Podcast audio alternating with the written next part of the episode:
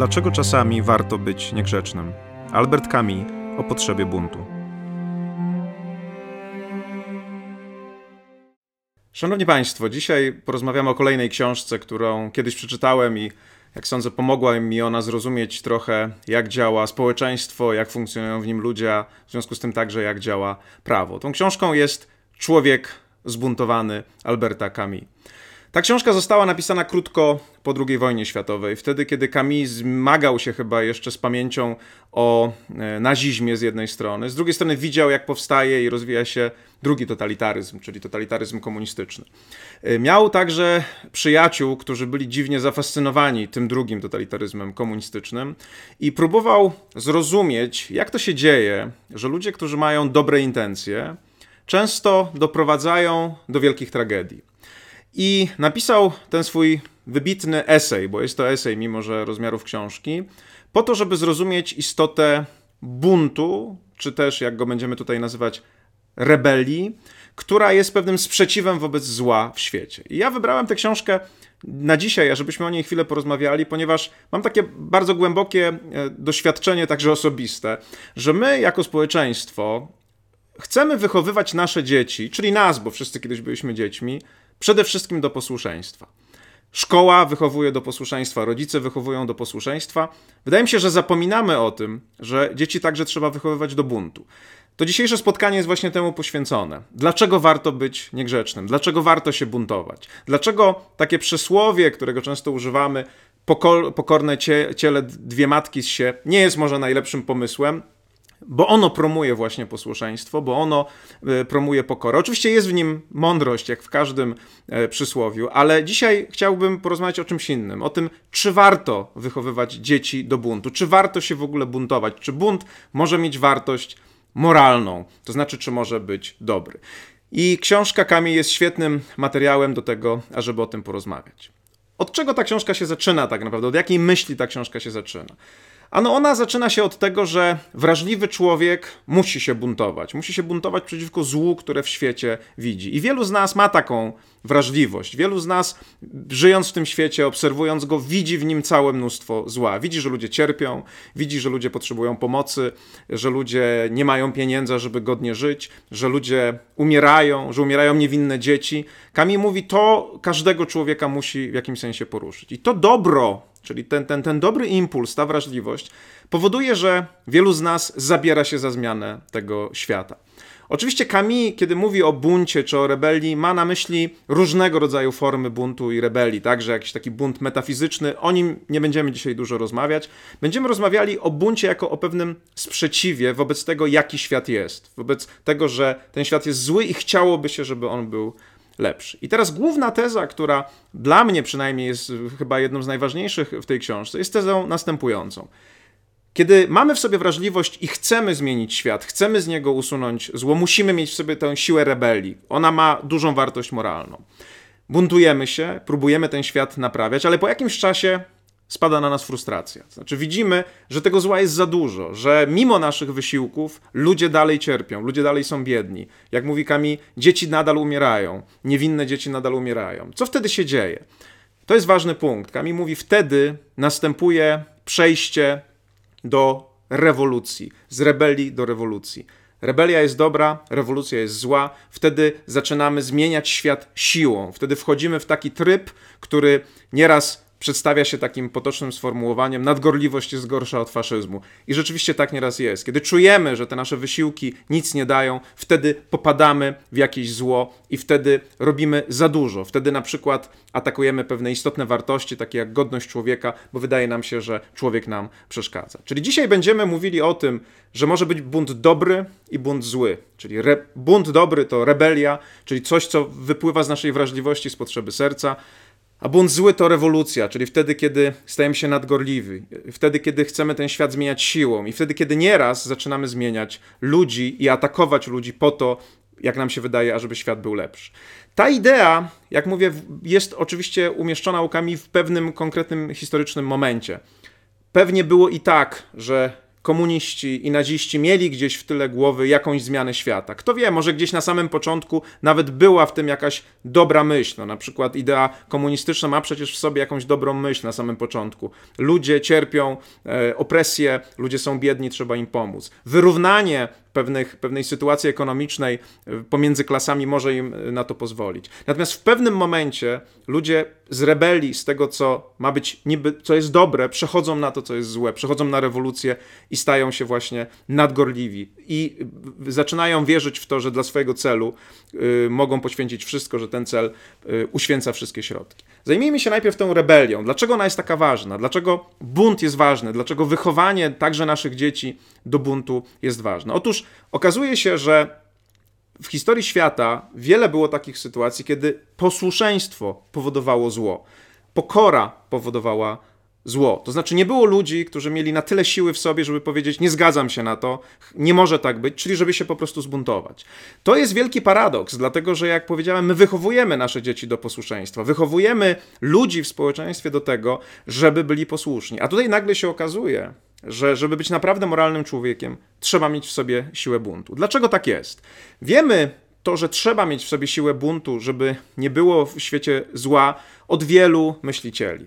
Hanna Arendt, która pisała o korzeniach totalitaryzmu, książce, o której będziemy także w tych audycjach rozmawiać, daje ten fantastyczny przykład, taki bardzo obrazowy, kiedy jechała do Jerozolimy na proces Eichmana, którego e, agenci izraelscy złapali w Argentynie, przywieźli go i tam on był sądzony. Jechała tam, żeby spotkać się z człowiekiem, który był odpowiedzialny za śmierć milionów ludzi, który zarządzał całym, całym mechanizmem, który, który doprowadził do Holokaustu. I spodziewała się, że zobaczy potwora.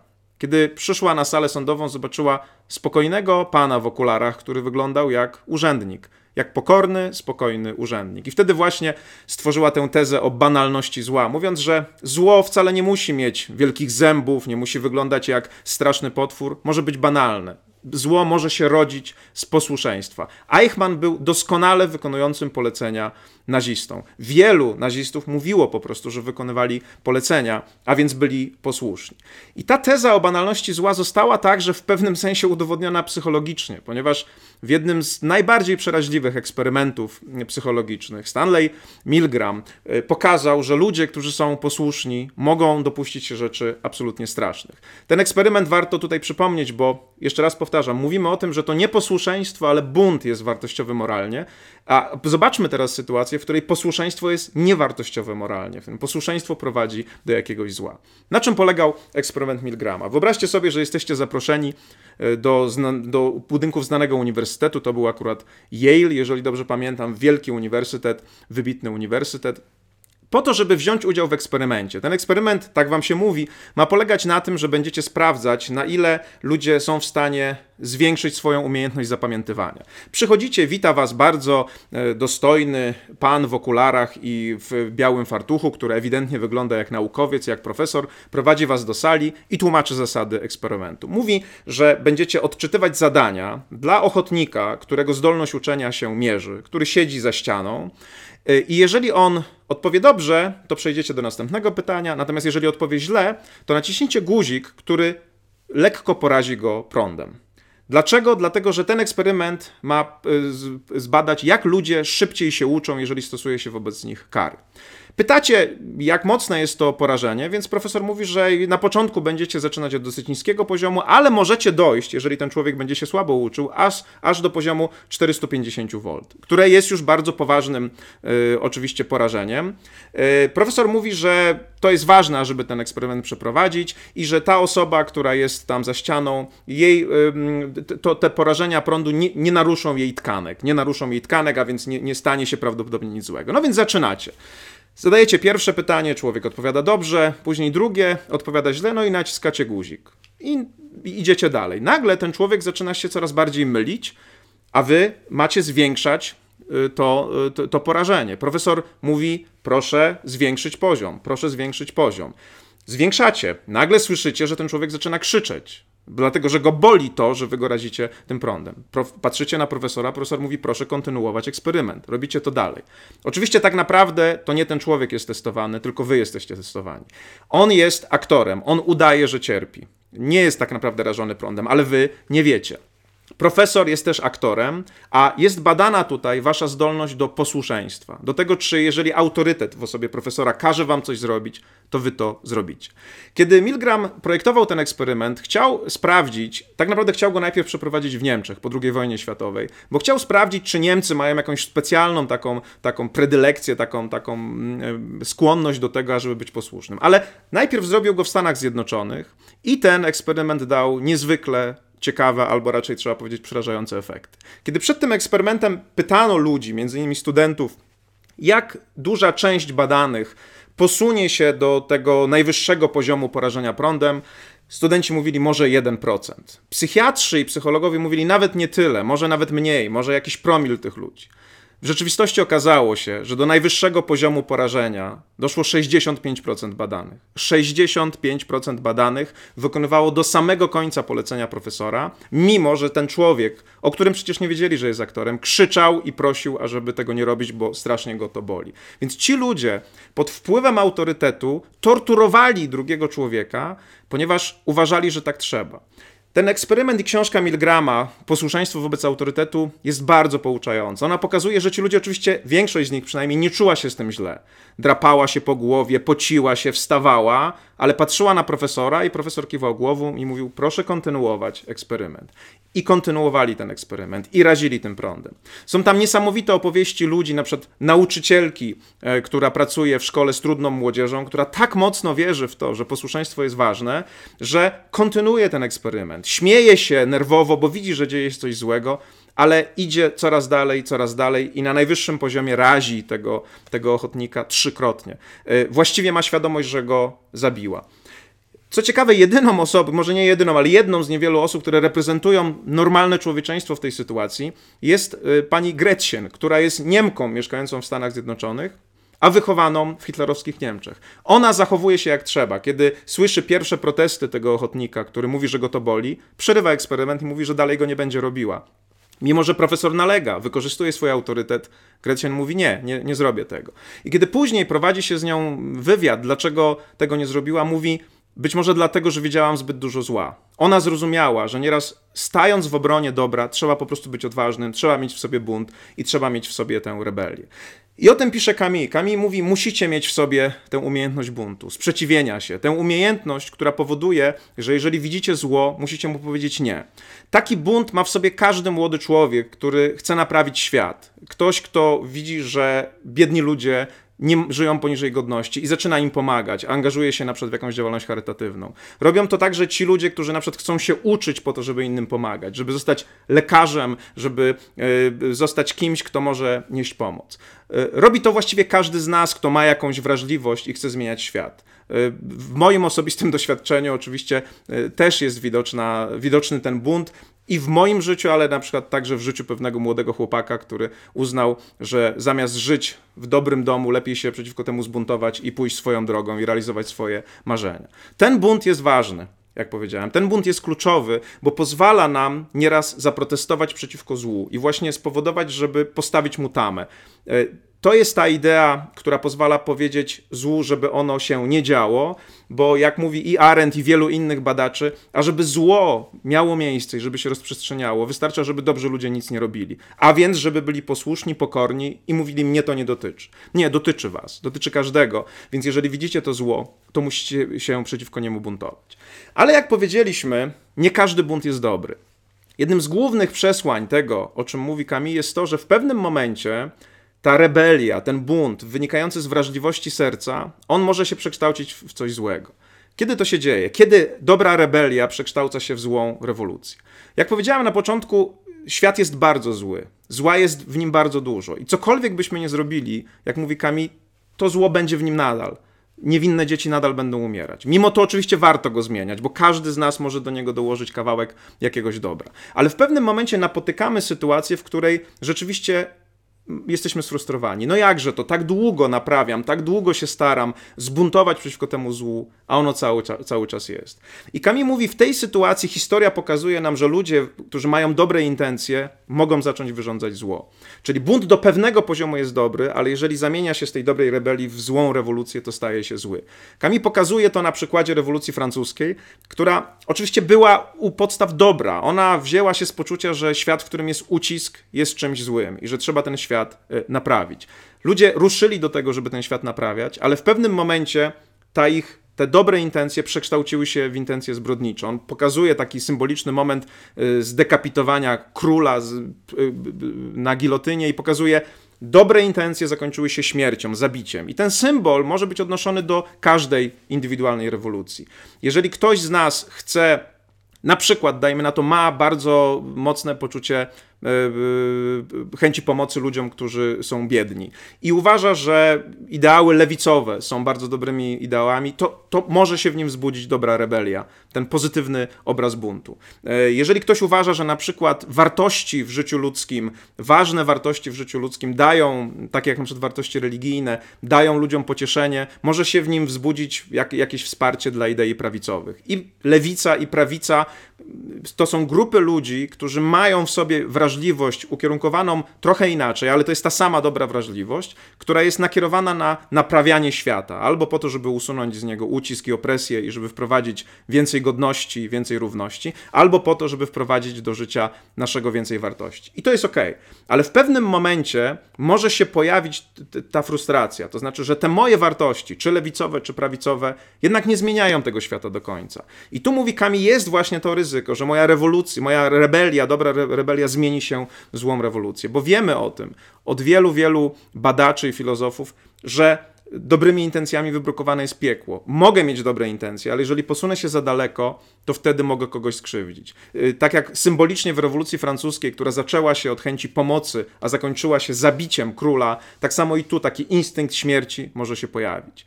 Kiedy on się pojawia? Na, albo na czym, na czym on też może polegać, bo przecież tu nie chodzi o to, że ktoś z nas, y, kiedy się sfrustruje tym, że nie może zła ze świata usunąć, to po prostu kogoś zabije. Tu chodzi także o śmierć symboliczną, zaatakowanie człowieka, o taką sytuację, o której mówił Kant.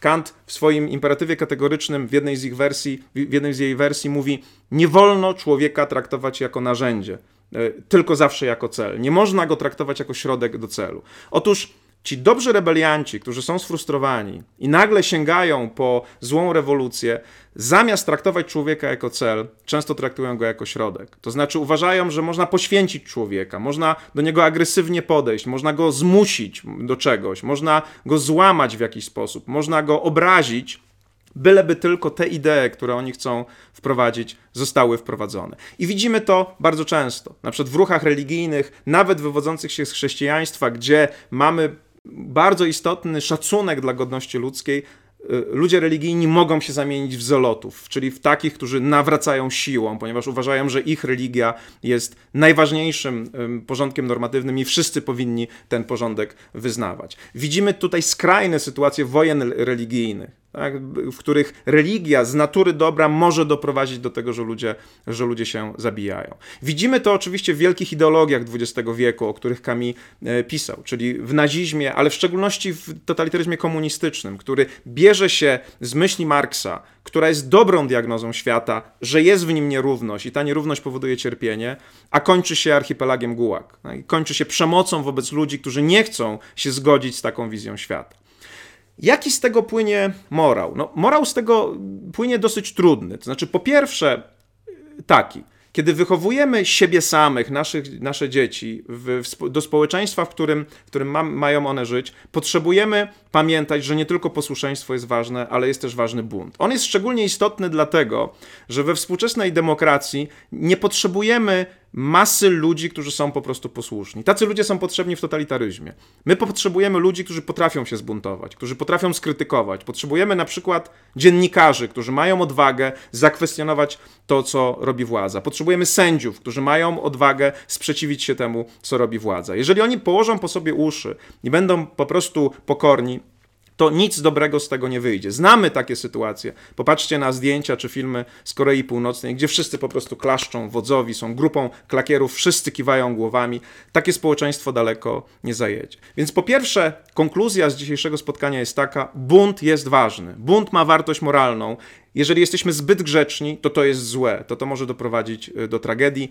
Y, tę, tę, tę skłonność do tego, żeby pokora posłuszeństwo, zwłaszcza posłuszeństwo wobec autorytetu, doprowadzało do tragedii, to pokazał między innymi e, Milgram. Więc po pierwsze, musimy przemyśleć tę sprawę, jak wychowywać nasze dzieci nie tylko do posłuszeństwa, ale także do buntu. Po drugie, każdy z nas musi w sobie mieć tę wrażliwość, która mu nakazuje być tym rebeliantem, tym dobrym rebeliantem, o którym mówi Kami. To znaczy, musimy mieć wrażliwość na to, że świat jest zły, żeby go zmieniać. Każdy to robi w różnym zakresie. Tak jak mówię, można to zrobić będąc lekarzem, można to zrobić będąc inżynierem, można to robić będąc prawnikiem, można to robić pomagając swoim dzieciom, pomagając swoim rodzicom, pomagając sąsiadom, y, działając w samorządzie, zmieniając swój, swoją małą ojczyznę. Można to robić będąc politykiem, zmieniając dużą ojczyznę. Ale trzeba trzeba uważać na to, żeby nie stać się ofiarą frustracji, czyli tego momentu, o którym Kami mówi, w którym dobra rebelia przekształca się w złą rewolucję. Wtedy, kiedy jestem już tak wściekły, że nie udaje mi się do końca zrobić tego, co bym chciał, że nie udaje mi się usunąć tego zła,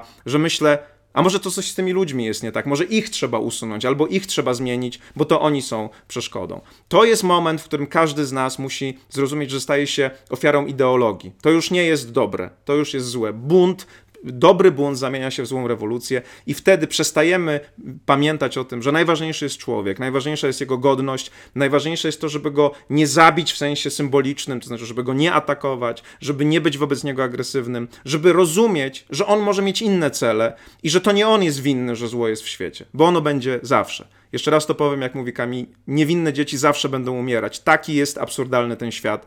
Nie oznacza to, że mamy zapomnieć o potrzebie buntu i o rebelii. Dzisiaj w związku z tym taki przekaz. Pamiętajcie o tym, żeby się buntować przeciwko złu.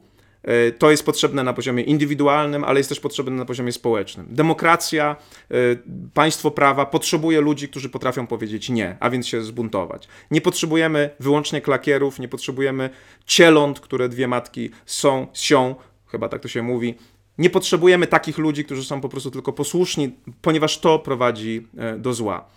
Kami uczy nas, że rebelia jest wartościowa moralnie, ale może także przekształcić się w zło, czego uczy nas wiek XX. W związku z tym pilnujcie tego momentu. Róbcie to, co dobre, buntujcie się przeciwko złu, ale pamiętajcie, że zawsze najważniejszy jest człowiek. I kiedy przyjdzie wam do głowy, że jest jakiś cel, który uświęca wszystkie środki, to wtedy przypomnijcie sobie o tym, co pisał Kamil i na pewno nie przekraczajcie tej granicy.